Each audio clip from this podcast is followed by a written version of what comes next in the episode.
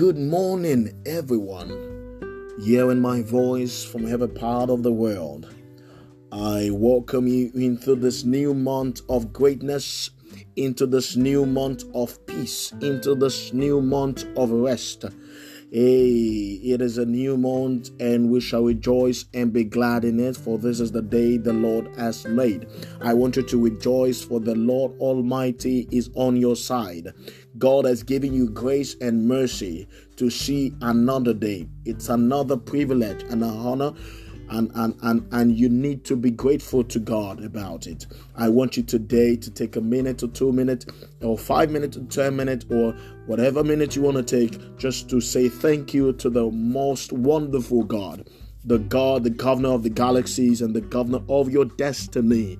You know, He has given you this month of September. And I want you to know that in this month of September, it will be a September to be remembered in your life in your life. I want you to mark it today that it's going to be a September to be remembered. And God Almighty will place you in a state of His favor. You will be at the stage of His favor because you will be sponsored by grace.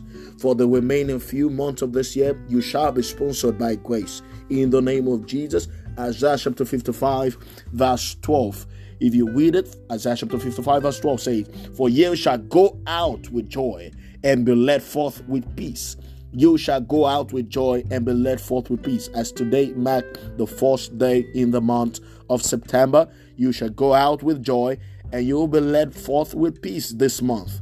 For the mountains and the hills shall break forth before you into singing, and all the trees of the field shall clap their hands.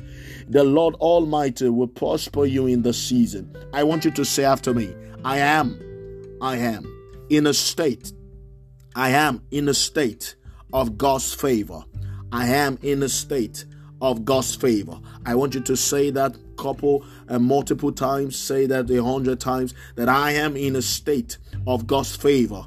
I am in a state of God's favor. For the Lord, so the Lord shall give me rest. For the Lord shall give me rest. I want you to say this again and say, I am sponsored by grace.